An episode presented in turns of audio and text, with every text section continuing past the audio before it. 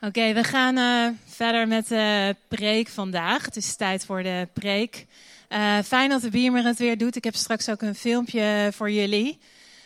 Um, ik was deze week aan het voorbereiden en toen dacht ik, weet je, sinds ik terug ben van de vakantie, uh, ben ik helemaal in de ban van een fantastisch gedicht. Uh, dat gedicht krijg ik gewoon niet meer uh, uit mijn hoofd. En ik wil mijn enthousiasme over dat gedicht heel graag uh, delen met jullie vandaag. En ik hoop dat het op jullie overspringt, dat enthousiasme erover. Ik weet niet, zijn hier dichters in de zaal? Mensen die ontzettend van gedichten houden soms? ik weet het zeker, ja. Volgens mij hebben sommigen ook zelfs een bedrijfje erin. Ik weet niet of die er dan zijn. Uh, maar het gedicht dat ik niet meer uit mijn hoofd krijg, dat gaat eigenlijk over uh, wat je van het leven kunt verwachten als je Jezus uh, volgt. Dus dat is sowieso een mooi thema, dacht ik. En het is denk ik een van de meest bekende, de meest beroemde gedichten um, van de wereld, zou je kunnen zeggen. Ik vind het een, uh, een meesterwerk. Het is super mooi en uh, knap geschreven. En uh, ik zag dat er 4 miljoen hits over dat gedicht staan op internet. dus dat zegt ook wel wat. mag ik jullie vragen over welk gedicht ik het heb? heb ik genoeg clues, genoeg hints gegeven? Sorry? Hooglied? Nee? Ah, jij hebt hem al, Psalm 23 inderdaad. Ik wou nog één hint geven, het staat in de Bijbel, Psalm 23. Uh, het is geschreven door David, zoals je misschien uh, weet. En het heet De Heer is mijn herder. Uh, ik neem aan dat jullie allemaal een favoriete Bijbeltekst hebben. Dat hoeft helemaal niet Psalm 23 te zijn. Uh, maar bij wie van jullie komt favoriete Bijbeltekst wel uit Psalm 23? Ja? Mooie psalm. Ik kom daar zo nog heel eventjes uh, op terug. Wat ik vandaag graag met jullie wil doen tijdens deze preek, de komende minuten, is die psalm eigenlijk doornemen van vers tot vers. En we hebben het hier over zes versen voor vandaag. nou, het kan natuurlijk zijn dat je die psalm ontzettend goed kent. Uh, of dat je er heel veel aan hebt gehad al uh, in je leven tot nu toe. Uh, het kan natuurlijk ook zo zijn, dacht ik, dat je hem zo goed kent dat het eigenlijk moeilijk is om hem nog echt te waarderen. Of om nog te zien hoe diep die psalm eigenlijk wel niet gaat. ik denk dat dit echt zo'n gedicht is ehm, dat je kunt lezen zonder dat je misschien echt doordringt, doorhebt wat je, wat je leest. Of dat je hem zo vaak hebt gelezen dat de tekst eigenlijk niet meer echt bij je binnenkomt. Uh, de zinnen van uh, deze psalm worden ook ontzettend vaak uh, gequote natuurlijk door iedereen en alles. Ehm, en dat zorgt er soms voor dat de woorden hun kracht verliezen. Dus laten we vandaag de tijd nemen om ja, nader kennis te maken met, met deze psalm 23. Ik wil je als het ware ja, eigenlijk opnieuw voorstellen even aan de psalm. Wist je dat het uh, niet alleen maar een supermooi gedicht is, maar ook nog eens eigenlijk een heel krachtig statement. Het is een statement in de Bijbel van geloof en van vertrouwen in de goedheid van God. Nou, het eerste wat je ziet als je de Bijbel openslaat bij Psalm 23 en je begint te lezen is ehm, dat er boven staat een psalm van David. Ik zei het net al even. Dus David is de auteur. Uh, de psalm is geschreven door niemand minder dan een man naar Gods hart. Dus ik dacht, het lijkt me interessant om uh, even kort voordat we de psalm zo meteen ook echt gaan lezen, uh, even stil te staan bij wat background informatie over David. Ik denk dat dat ons zeker gaat helpen om de psalm beter te kunnen begrijpen en door te laten dringen. Um, het gedicht gaat niet voor niets uh, van start met de woorden: De Heer is mijn herder. En dat schrijft David. David schrijft over zichzelf. Hij put uit eigen ervaring. Um, het is niet helemaal duidelijk. Volgens mij zijn ze het er niet helemaal over eens op welke leeftijd of wanneer uh, David uh, Psalm 23 precies heeft geschreven. Uh, sommige mensen die denken dat hij hem schreef in zijn tijd als herder. Zou heel logisch kunnen zijn. De tijd waarin hij de schapen van zijn vader Jesse leidde in de heuvels van Judea. En anderen die denken dat hij hem schreef in de periode dat hij op de vlucht was voor koning Saul. Dat kan natuurlijk ook. En anderen denken dat het was in die moeilijke tijd waarin David issues had met zijn zoon Absalom. En nog anderen denken dat David uh, hem schreef toen hij al wat ouder en al wat wijzer was in zijn tijd als koning. En dat kan inderdaad ook een heel mooi moment zijn, denk ik, zijn geweest om terug te kijken op zijn leven en op Gods goedheid daarin en zijn bescherming, waarover die psalm natuurlijk gaat. Niemand weet het helemaal zeker, maar één ding is wel zeker. David die pende de woorden op papier neer vanuit zijn eigen levenservaring. Uh, dus van zijn ervaring als herder die hij heeft gehad van schapen, tot zijn ervaring uh, als herder van Israël. Alles laat zich meten en heeft impact op het gedicht. En wat we ook niet moeten vergeten, wat ik altijd heel mooi vind, is natuurlijk de invloed van zijn muzikale ambities. ik denk dat die ook meespelen. David is de auteur van zeker 73 van de psalmen. Dus ik dacht Chris Tomlin met Redman, Eat Your Heart Out. 73 nieuwe nummers. David was een aanbiddingsleider, een singer-songwriter. en ik dacht, ja, misschien moeten we de psalmen gewoon een andere naam geven. Misschien moeten we ze David's Greatest Hits gaan noemen. Makkelijker te onthouden ook. um, maar muziek, en dat is wat ik wil zeggen, speelde duidelijk een belangrijke rol in, uh, in het leven van David. En daarbij was hij natuurlijk ook nog ontzettend uh, profetisch als, uh, als man. Nou, andere levenservaringen waar ik op kwam, die misschien een rol hebben gespeeld bij het schrijven van Psalm 23. Uh, ik noem maar even een paar op. zou kunnen zijn zijn duel, weet je nog, met Goliath. zijn periode als vluchteling of zijn affaire met Bathseba. Al deze dingen en meer die zorgden voor een sterke overtuiging bij David uh, dat de Heer zijn herder was. En zo zitten wij hier vandaag, denk ik, ook met al onze eigen ervaringen. Uh, en misschien lijken onze ervaringen op die van David. En misschien zijn ze ook heel anders. Maar hoe dan ook, we kunnen de psalm op ons eigen leven betrekken. Dus doe dat ook tijdens de preek. Het is denk ik niet zo moeilijk om onszelf zelf te herkennen in, in David en in deze psalm. We zien allemaal wel iets terug van uh, onszelf in David en ook dus in Psalm 23. Het kan natuurlijk ook zijn dat je niet jezelf daarin herkent of minder, maar andere mensen uit je omgeving uh, die je misschien met de woorden van de psalm deze week kan helpen of bemoedigen. Denk alleen maar aan Ewoud en, en Jaap bijvoorbeeld. Hoe dan ook, Psalm 23 spreekt tot elke situatie, denk ik. En roept op tot een nieuwe manier van leven. En het belangrijkste, denk ik, voordat we de psalm gaan lezen, is dat we wat we moeten weten uh, over David, als we de psalm lezen, uh, is dat hij een groot hart heeft voor God. En dat hij God in zijn dagelijkse leven actief probeert te pleasen. En dat hij tijdens zijn leven echt zijn best heeft gedaan om God zo goed mogelijk te leren kennen. Ik hoop dat je je daar ook in herkent. Dat is mooi. En tuurlijk uh, gaat zijn leven ook met uh, ups en downs en highs en lows. Dat herken je vast ook. net als bij mij, net als bij jou. Um, nou, fijn dat de Beamer het uh, weer doet. Want ehm, ik denk dat het tijd is om de psalm erbij te pakken. Ik denk nog één ding um, voordat we dat doen. ik vroeg net al even wie van jullie een favoriet vers uit psalm 23 heeft. Voor degene voor wie dat telde, welk vers is dat? Hmm. Ja, mooi. Ja. Nog iemand?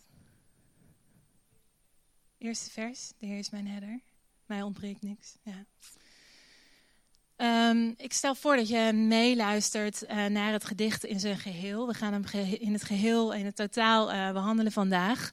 Uh, ik, het leek me leuk om dat te doen eerst met een filmpje. Dus alleen daarom ben ik al blij dat de Beamer het weer doet.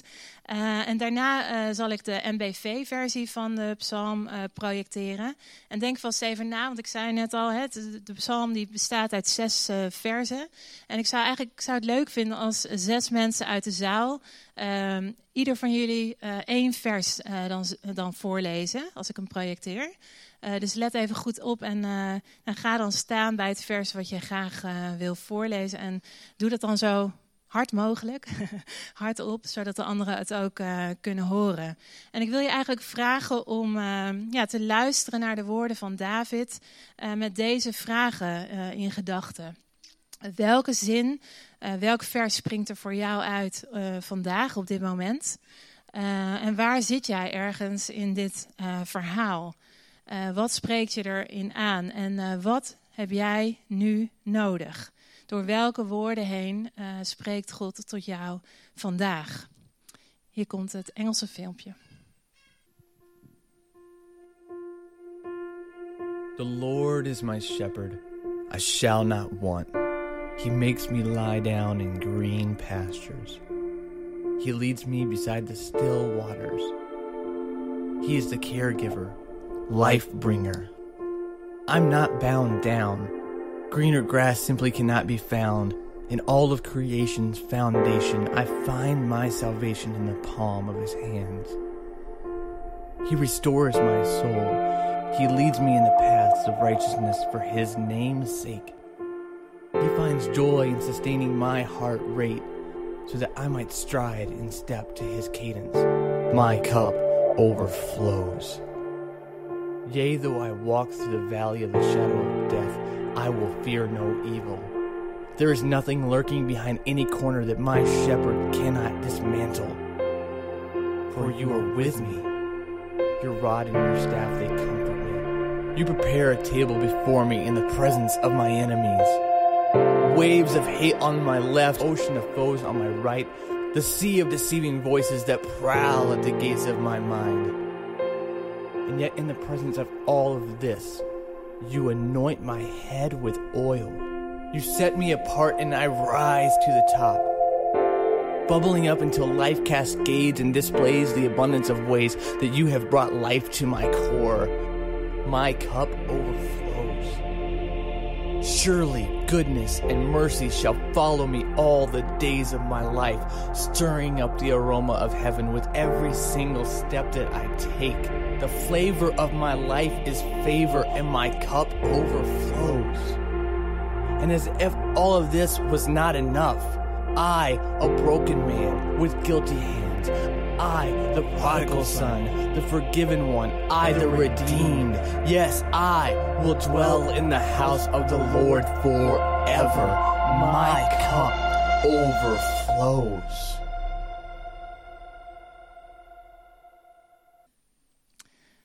Zou je het, de psalm in de MBV-versie kunnen projecteren? En zouden jullie vanuit de zaal de verzen kunnen lezen, één voor één? Ik hoop dat je de 1 en 2 goed kunt vinden. Mooi. Dankjewel. Zie je hoe David uh, begint en afsluit met de naam van God? De Heer uh, staat aan het begin en aan het einde. En verder, het eerste wat mij opvalt uh, als, je, als ik de psalm lees, is hoe persoonlijk die is. David gebruikt al 16 keer, ik weet niet of je mee hebt geteld, het woordje ik of mij, mijn. Uh, dus we hebben hier niet te maken met iemand uh, die gelooft in een God op afstand, uh, maar met iemand met een hechte, intieme relatie met God zelf. En omdat de psalm zo uh, persoonlijk uh, is en omdat ik dat ontdekte, leek het mij deze week een hele leuke uh, idee om hem in mijn eigen woorden op te schrijven. En ik dacht, misschien is het ook een idee als je geïnspireerd raakt vandaag, om dat deze week thuis ook zelf te doen. Maar misschien vinden jullie het leuk als ik mijn, mijn woorden met jullie deel. Ik heb er dit van gemaakt. God is mijn Heer. Hij is mijn Heer. Hij leidt mij. Hij is alles wat ik nodig heb en meer. Hij leidt me naar groen gras en dorstlessend water. Hij laat me op adem komen, geeft me een nieuwe start. Hij stuurt me in de goede richting. Zelfs in diepere donkere, uh, donkere dalen ben ik niet bang, want u bent bij mij. Uw stok en uw staf, die houden me veilig en geven me moed. U serveert een zesgangen diner in het bijzijn van mijn vijanden. U zalft me, schat me op waarde. Mijn beker, mijn leven vloeit over, loopt over van zegen. Uw goedheid en genade, die volgen mij overal. Zeker weten. Ik kom thuis bij God voor altijd. Nou, zoals ik net al voorstelde, laten we die psalmen vers voor vers eh, met elkaar doornemen vanochtend. Uh, eerste vers, uh, jij las hem zo mooi voor, Anne. De Heer is mijn herder. Het ontbreekt mij aan niets. En ik dacht, I love it, om David te horen zeggen: De Heer is mijn herder. Daar is iets speciaals mee als je dat zegt. Ik weet niet of jij dat kunt zeggen. De Heer is mijn herder. Kun jij zeggen: Ik ben zijn schaap? Volgens mij gaat dat uh, heel erg over afhankelijkheid en deel zijn uh, van wie God uh, is en wat Hij aan het doen is. Zeker, God is een goede herder. Maar is Hij ook mijn herder? Is Hij ook jouw herder? Je, je beseft eigenlijk door dit vers van ik ben niet zelfvoorzienend. Ik heb een herder nodig. en Hij, deze herder, die voorziet. Met zo'n herder kom je ook niks tekort. Alles wat je nodig hebt heb je al, want de Heer is mijn herder. Als Jezus jouw herder is, dan uh, kun je samen met David zeggen: Mij ontbreekt niets. Alles wat ik nodig heb is de Heer, mijn herder. Uh, misschien niet alles wat je uh, wilt hebben, maar wel alles wat je nodig hebt. En ik weet niet of je ze wel eens gezien hebt op het internet. Ik kwam er een paar tegen, maar er bestaan een heleboel uh, alternatieve uh, versies van Psalm 23. Uh, eh, bijvoorbeeld een studentenversie en die gaat zo. de Heer is mijn herder, ik zal niet zakken. en eentje voor computer nerds, sorry dat ik het zo zeg. de Heer is mijn programmeur, ik zal niet crashen. Vond ik ook wel een goeie, maar het is natuurlijk onzin. Uh, hoe mooi is het dan dat David zegt: De Heer is mijn herder, het ontbreekt mij aan niets. Schapen uh, zonder herder zijn uh, alleen, ze zijn doelloos en ze zijn in gevaar. Schapen hebben gewoon een herder nodig. Als Jezus je herder is, dan ben jij de focus van Gods zegen, van zijn zegen. Een herder houdt van zijn schapen. Een herder wil het allerbeste voor zijn schapen. En een herder die gaat door het vuur voor zijn schapen. Een herder, zou je kunnen zeggen, die slaapt met één oog open uh, en is altijd alert op, uh, op hun veiligheid, op hun gezondheid, op hun geluk. En een herder laat zijn schapen nooit in de steek.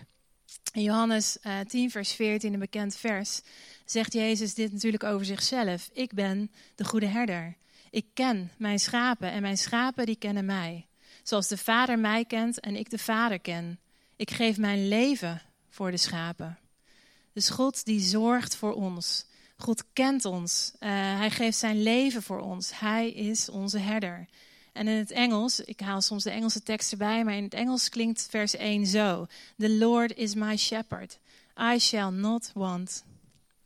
En ik hoorde een verhaaltje over een, uh, over een kerk waar zondag een groep van vierjarigen uh, werd gevraagd uh, tijdens de dienst of zij de hele psalm woord voor woord voor de hele gemeente konden opzeggen.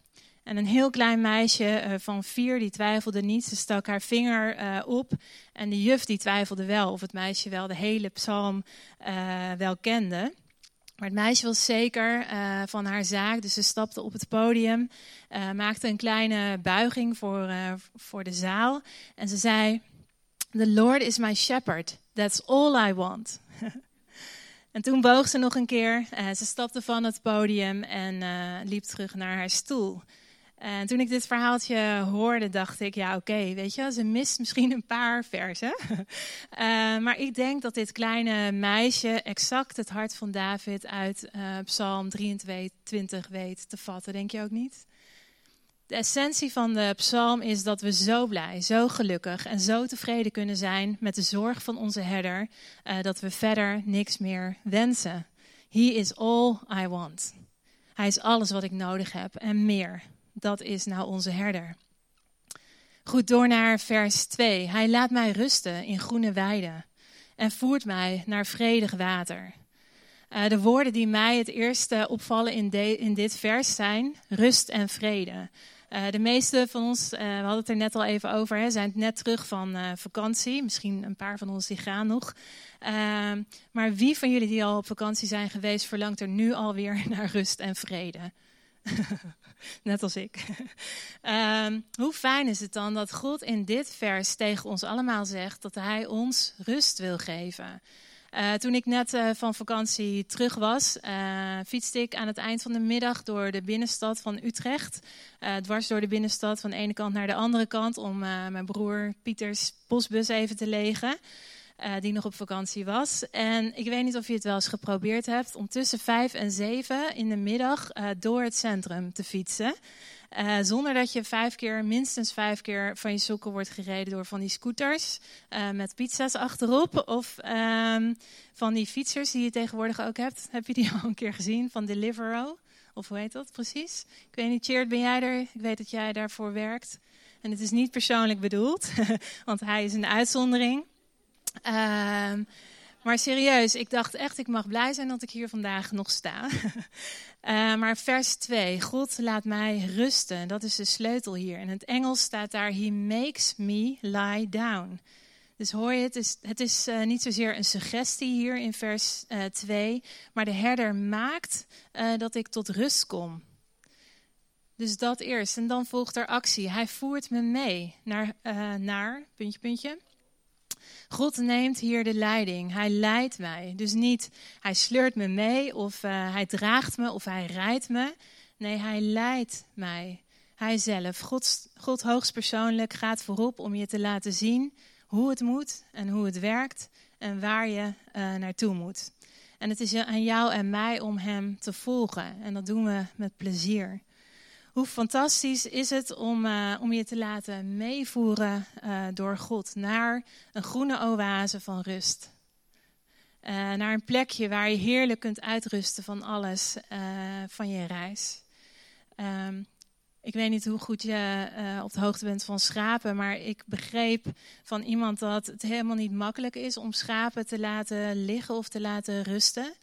Uh, schapen die schijnen heel snel uh, bang te zijn. En een schaap gaat niet liggen als hij gestrest is. Uh, dus hij moet eerst helemaal compleet relaxed zijn. En een, en een, schaap die gaat ook niet ehm, liggen als hij honger heeft. dus die twee dingen moeten we eerst voor zorgen. Dus die groene weiden, dacht ik, die zijn er niet voor niks. Een groene wei is de ultieme plek voor een schaap. het is een soort van all-you-can-eat uh, restaurant voor hem. Zie je het voor je? Onze herder die voedt ons niet alleen. Hij gelooft, of hij geeft ons uh, heel veel overvloed. Er is meer dan we kunnen eten om ons heen. Hij geeft alles wat ik nodig heb en meer. En in dit vers komen we ook tegen, er is ook te drinken. Water om je dorst uh, te lessen. En dat water is verfrissend en het is verkoelend. Hij laat mij rusten in groene weiden en voert mij naar vredig water. Ik weet niet hoe het met jou uh, zit, uh, jou persoonlijk. Ik weet niet of dit is wat God vandaag tegen je zegt. Ik weet niet of je misschien behoefte hebt aan groene weiden en vredig water. Maar het gras waar David het hier over heeft in deze psalm, het, gras van deze herder, van onze herder, dat is altijd groen. En er is altijd water in de buurt. En ik moet denken, uh, ik weet niet of je het ook gezien hebt de afgelopen weken toen het uh, zo warm was. En uh, ik weet niet of je naar de bermen hebt gekeken, de grasvelden. Een heleboel waren super droog en door en geel helemaal geworden. en ik dacht misschien voel, ja, voelen een aantal van ons zich ook wel zo. door en droog. En dan zegt God tegen je vandaag, ik laat jou rusten in groene weiden en ik voer je mee naar vredig water. Oké, door naar vers 3. Hij geeft mij nieuwe kracht en leidt mij langs veilige paden tot eer van zijn naam. God is een God van herstel. Zo kennen, zo kennen wij hem. Hè? Hij is de Heer die mensen weer heel maakt. Hij maakt ons gezond, hij maakt ons sterk. En dat kan hij zomaar doen. Hij kan het ook in één keer doen, zelfs nu op dit moment terwijl je luistert in het Hebreeuws vond ik wel interessant, wordt hier in vers 3 het, uh, het woordje, ik weet niet of ik het goed uitspreek, shub gebruikt. Uh, en dat betekent uh, reparatie of het betekent terug naar start. En soms heb je het gewoon nodig om opnieuw te kunnen beginnen. En dan geeft God uh, je een soort van reset, een nieuwe start, inclusief nieuwe um, dromen en nieuwe hoop. Misschien heb jij dat nodig vandaag. De goede herder is hier bij ons om je ziel en om je leven uh, weer terug in de goede, uh, in de originele staat te brengen. Heel blij. Nee, heel blij en gezond.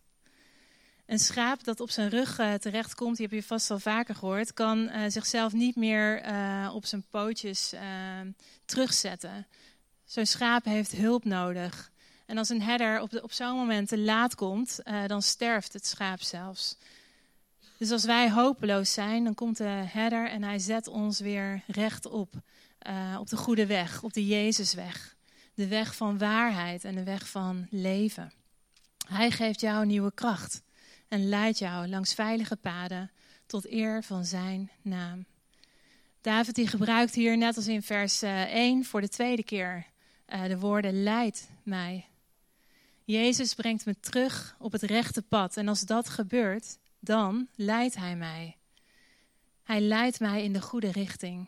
En dat tot eer van Zijn naam. En ik denk dat het andere mensen op zo'n moment zal opvallen, gaan opvallen dat God zo goed voor je zorgt. Uh, en dat leidt tot belangstelling in jouw goede herder. Of beter nog in het leren kennen en het uh, gaan volgen van jouw herder samen met jou in de kudde.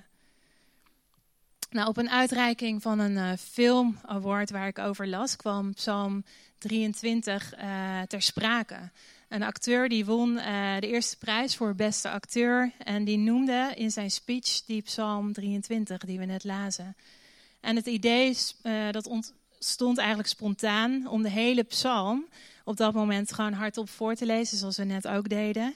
Dus de acteur zelf, die uh, zou de psalm gaan lezen. En het idee was om een dominee uit de zaal ook op het podium te halen en hem ook te laten lezen. Dus de acteur die, uh, die ging als eerste en uh, die las de psalm voor zoals alleen een acteur dat kan. Heel dramatisch en levendig. En toen hij klaar was, toen, toen volgde er een enorm applaus, een staande ovatie. En toen begon de dominee te lezen. En ja, het klonk, tijdens het lezen klonk het heel rauw en uh, gebroken, zijn stem. En aan het eind bleef het muisstil in de zaal. Je hoorde alleen een paar snikjes, gesnik. Dus wat bleek, er was geen hoogdroog in het publiek. Iedereen was enorm onder de indruk. En later vroeg iemand aan de acteur: wat maakte nou het verschil tussen jullie twee? En toen zei de acteur: Ik ken de psalm maar hij kent de herder.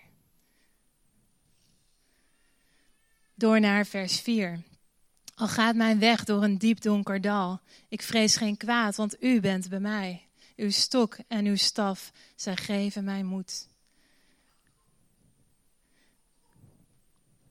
Hoor je de toon van de psalm, hoe die hier verandert bij dit vers? Een nieuwe toon. En vanaf hier wordt de psalm direct gericht aan de herder zelf. Uh, je zou kunnen zeggen dat dit het emotionele deel van de psalm is.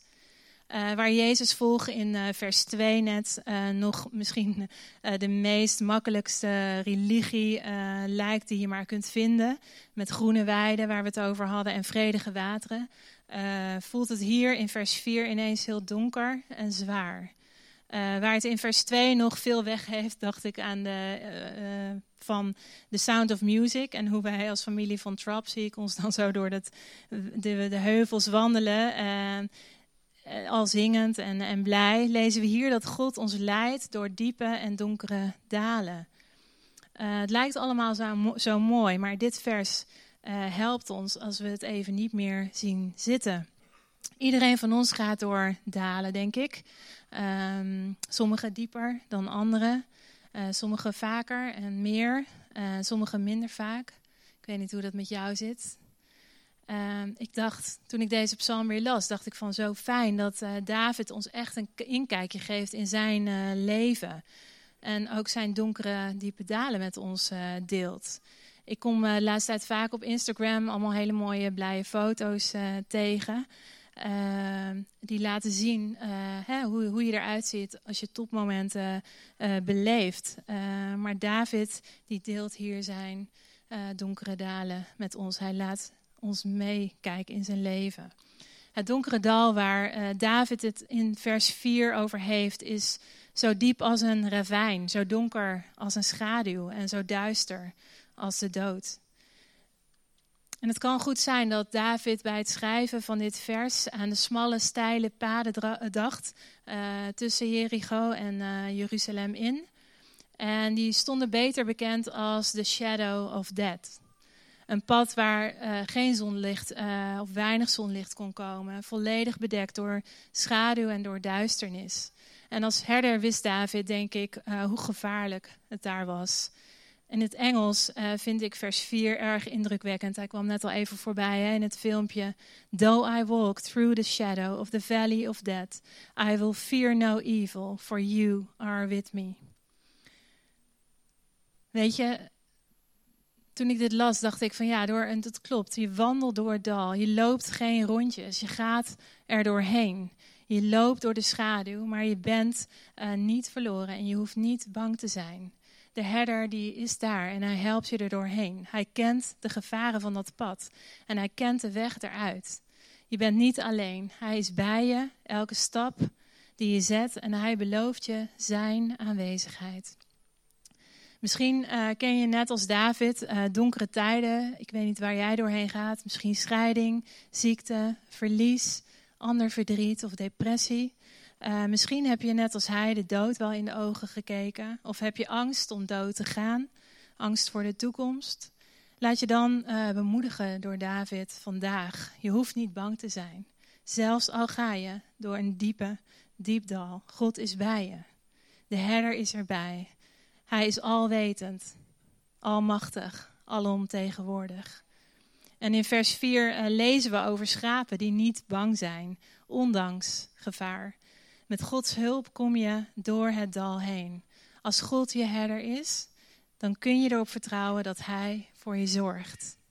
Dus de point hier is, um, ook al heb je alle reden om bang te zijn, zelfs dan, zelfs dan kun je vertrouwen op de herder, rekenen op Zijn bescherming. Je kunt het uitroepen naar God met de woorden van vers 4 uit de Straatbijbel bijvoorbeeld. Zorg voor mij, mijn God, ik zoek mijn backup bij u. Mooi hè? U bent bij mij, uw stok en uw staf, zij geven mij moed. Als een herder op pad is, heeft hij niet superveel bij zich. Uh, alleen een stok en een staf. Uh, een stok lijkt wel wat op zo'n golfclub. Uh, en een herder leert ermee te gooien met grote snelheid en precisie. en het is daarmee zijn belangrijkste wapen om zichzelf en zijn schapen uh, te beschermen. Hij gebruikt hem om uh, wilde dieren, wolven en andere roofdieren op afstand uh, mee te houden. En een staf is lang en heeft vaak een haak aan één kant. En de herder gebruikt de staf om, als hulpmiddel om de schapen op het pad te houden. Vooral ook bij het ingaan bijvoorbeeld van een nieuw, nieuw stuk land, een nieuw pad of door een smalle poort heen gebruikt hij zijn staf. En zo leidt God ons uh, met een stok en een staf. Hij beschermt je, hij verdedigt je, hij stuurt je in de juiste richting, geeft je moed om door te gaan. Goed, we hebben nog twee versen te gaan. Hier komt vers 5. U nodigt mij uit aan tafel voor het oog van de vijand. U zalft mijn hoofd met olie. Mijn beker vloeit over. Dus misschien eerst even het eerste stukje. U nodigt mij uit aan tafel voor het oog van de vijand. Vind ik geen gewoon plaatje. Jij? We zien een tafel, als je het voor je ziet op het strijdtoneel, een etentje midden in het gevecht. En in de message-vertaling van de Bijbel staat dit: You serve me a six-course dinner, right in front of my enemies. Alle ingrediënten voor een, uh, voor een goed feest zijn aanwezig hier. En God die nodigt ook ons uit voor een zes gangen diner vandaag in het bijzijn van je vijanden. Dus wat je hier ziet is je vijanden die kunnen toekijken, ze kunnen er omheen rondhangen. maar ze kunnen niet aanschuiven en ze kunnen je ook niks doen. Ik dacht bij het lezen van dit, dit is bijna nog beter dan die groene weide. Vind je niet? Uh, wat een plaatje, wat een gevoel van uh, uh, ja, rust en van vrede. Dus oké, ja, dat weten we allemaal. Hè? Er is een strijd gaande en soms zit je midden in die strijd. En er zijn vijanden om je heen, maar God die beschermt je. Je bent zo zeker van de overwinning dat je kunt genieten van een maaltijd. Geserveerd voor jou door God uh, midden in de strijd. En dan u, u zalft mijn hoofd met olie, mijn beker vloeit over. Olie is een teken van Gods gunst voor jou. God verhoogt hier eigenlijk nog uh, de feestvreugde in de psalm met olie. Hij zorgt niet alleen voor veiligheid, maar ook voor vreugde. En dat hebben we soms zo nodig. Op sommige feesten in die tijd uh, goten ze geparfumeerde olie over het, hoofd, over het hoofd van favoriete gasten heen. Om uh, te laten zien, hè, we eren je, we zegenen je. Dus hier worden we gezegend. Uh, en wordt ja, ons duidelijk gemaakt, je bent geliefd. God zalft je, hij schat je op waarde. En dat niet alleen, er is weer overvloed. De beker, jouw beker, jouw leven begint over te stromen. Zoveel is er. Je krijgt niet alleen waar je op hoopte, waar je al op hoopte. Je krijgt niet precies wat je nodig hebt. Je krijgt meer dan je nodig hebt. Meer dan je kunt bevatten. Er is genoeg voor jou. En er is genoeg om uh, uit te delen, van uit te delen uh, aan anderen. Nou, last but not least, zijn jullie er nog? Vers 6. hele mooie afsluiter van dit gedicht, vind ik zelf. Goedheid en genade volgen mij alle dagen van mijn leven. En ik keer terug in het huis van de Heer tot in lengte van dagen. Dus ik dacht, misschien kan ik afsluiten met twee korte voorbeeldjes, uh, verhaaltjes. En de eerste gaat over goedheid en genade, die volgen mij alle dagen van mijn leven. Ik hoorde over een bekende voorganger en die had een, uh, een vrouw in zijn uh, gemeente. En ja, hoe zeg je dat? Die was een beetje angstig, of vaak angstig. En ze bleef maar telkens maar naar hem toe komen. Uh, en ze zei: Voorganger, ik word achtervolgd door twee mannen. En de voorganger die, uh, die keek naar haar en die verzekerde haar uh, ervan dat, dat er niemand was die haar volgde. Maar de vrouw bleef maar naar hem terugkomen. En steeds zei ze weer: Voorganger, ik word gevolgd, achtervolgd door twee mannen. Dus wat deed hij? Hij probeerde haar uh, zo goed mogelijk tot rust uh, gerust te stellen. En uiteindelijk, voor de zoveelste keer, kwam ze bij hem. Toen zei, zei hij tegen haar: Ja, dat klopt. Goeie, hè? Ik weet dat er twee mensen zijn uh, die jou volgen. En ik weet ook hun namen. En de vrouw die zei verbaasd: Echt waar? Ja, zei de voorganger. Ik zal je hun namen even vertellen. Het zijn goedheid en genade. En hij pakte Psalm 23 erbij en hij las voor. Goedheid en genade volgen je alle dagen van je leven. En de vrouw was zo blij om dit te horen, de namen van haar volgers te kennen. En daarna is ze nooit meer met problemen op de voorganger afgekomen. Uh, ontzettend mooi. Maar goedheid en genade, die volgen ons ook. Uh, je bent een erfgenaam. We zijn een erfgename van God. En je wordt begeleid als het ware door twee bodyguards. één links en één rechts, stel ik me zo voor. Die jou op uh, kleine afstand uh, volgen. Goedheid om je te voorzien van wat je nodig hebt. En meer, zoals we net lazen. En genade volgt je om je zonde te vergeven. Om ze uit te wissen, telkens weer. Dus ik vond het heel interessant, die keuze hier voor genade. Het uh, zegt mij dat we het nodig zullen hebben allemaal op zijn tijd. Dus het zegt zoveel als, uh, als God jouw herder is, als, dat, als hij mijn herder is, dan zal hij je behandelen met die genade. Genade en goedheid volgen je overal. Dan tot slot, ik keer terug in het huis van de Heer tot in lengte van dagen. Ik kom thuis bij God voor altijd. Zo had ik hem volgens mij verwoord. Nou, een ander voorbeeld van, deze, van dit stukje van de tekst uh, moest ik denken aan een klein driejarig uh, jongetje. En dat jongetje, je kent ze wel, die driejarige jongetjes, die was de hele dag stout geweest. Dus zijn ouders die stuurden hem voor een time-out even naar zijn kamer boven. En die time-out die zou een uur duren. Maar na vijf minuten kwam hij alweer naar beneden.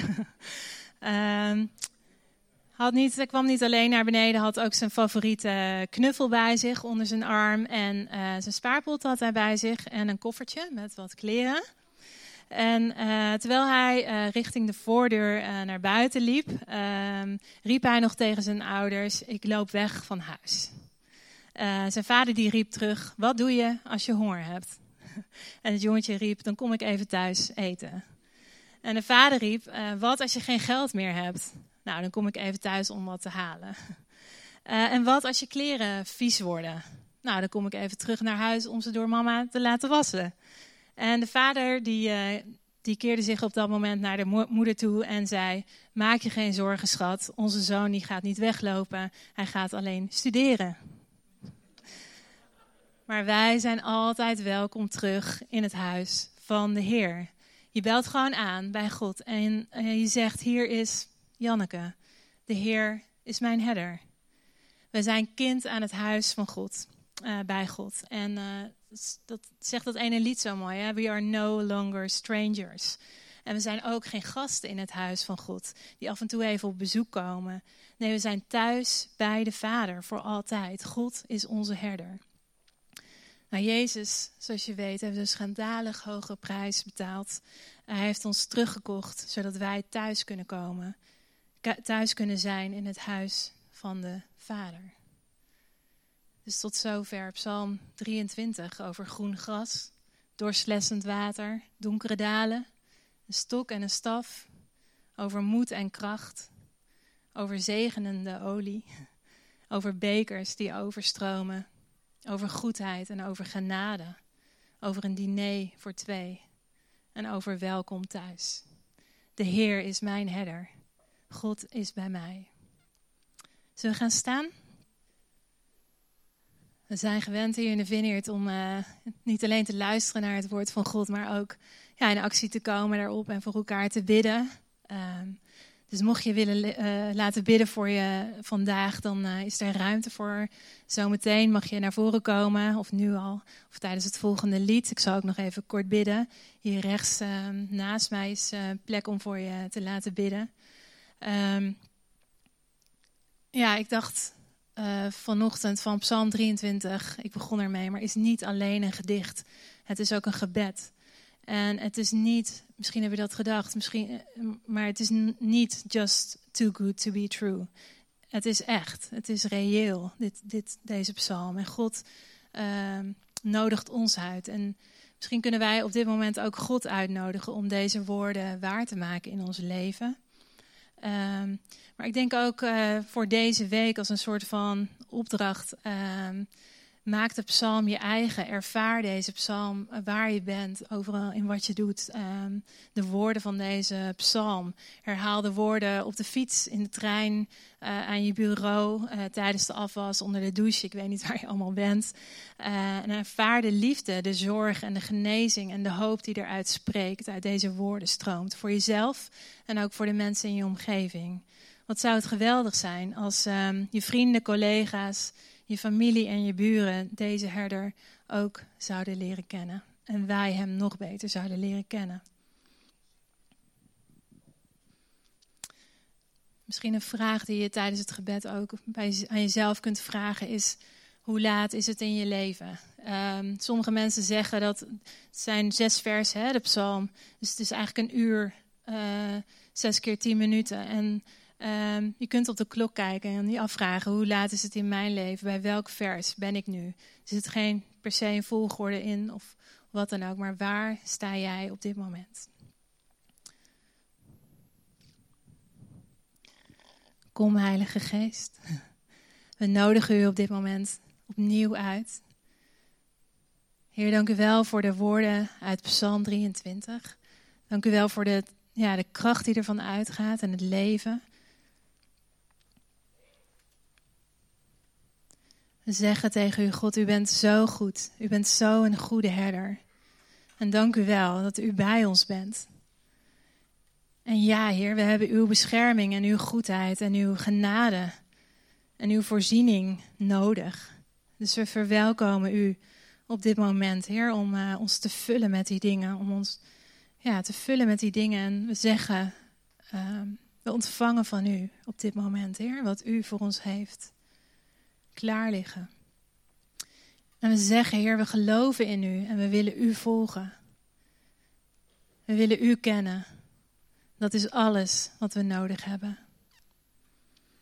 Dus kom, Heilige Geest, en werk deze psalm uit in ons leven. Op dit moment en de rest van deze week. U bent welkom.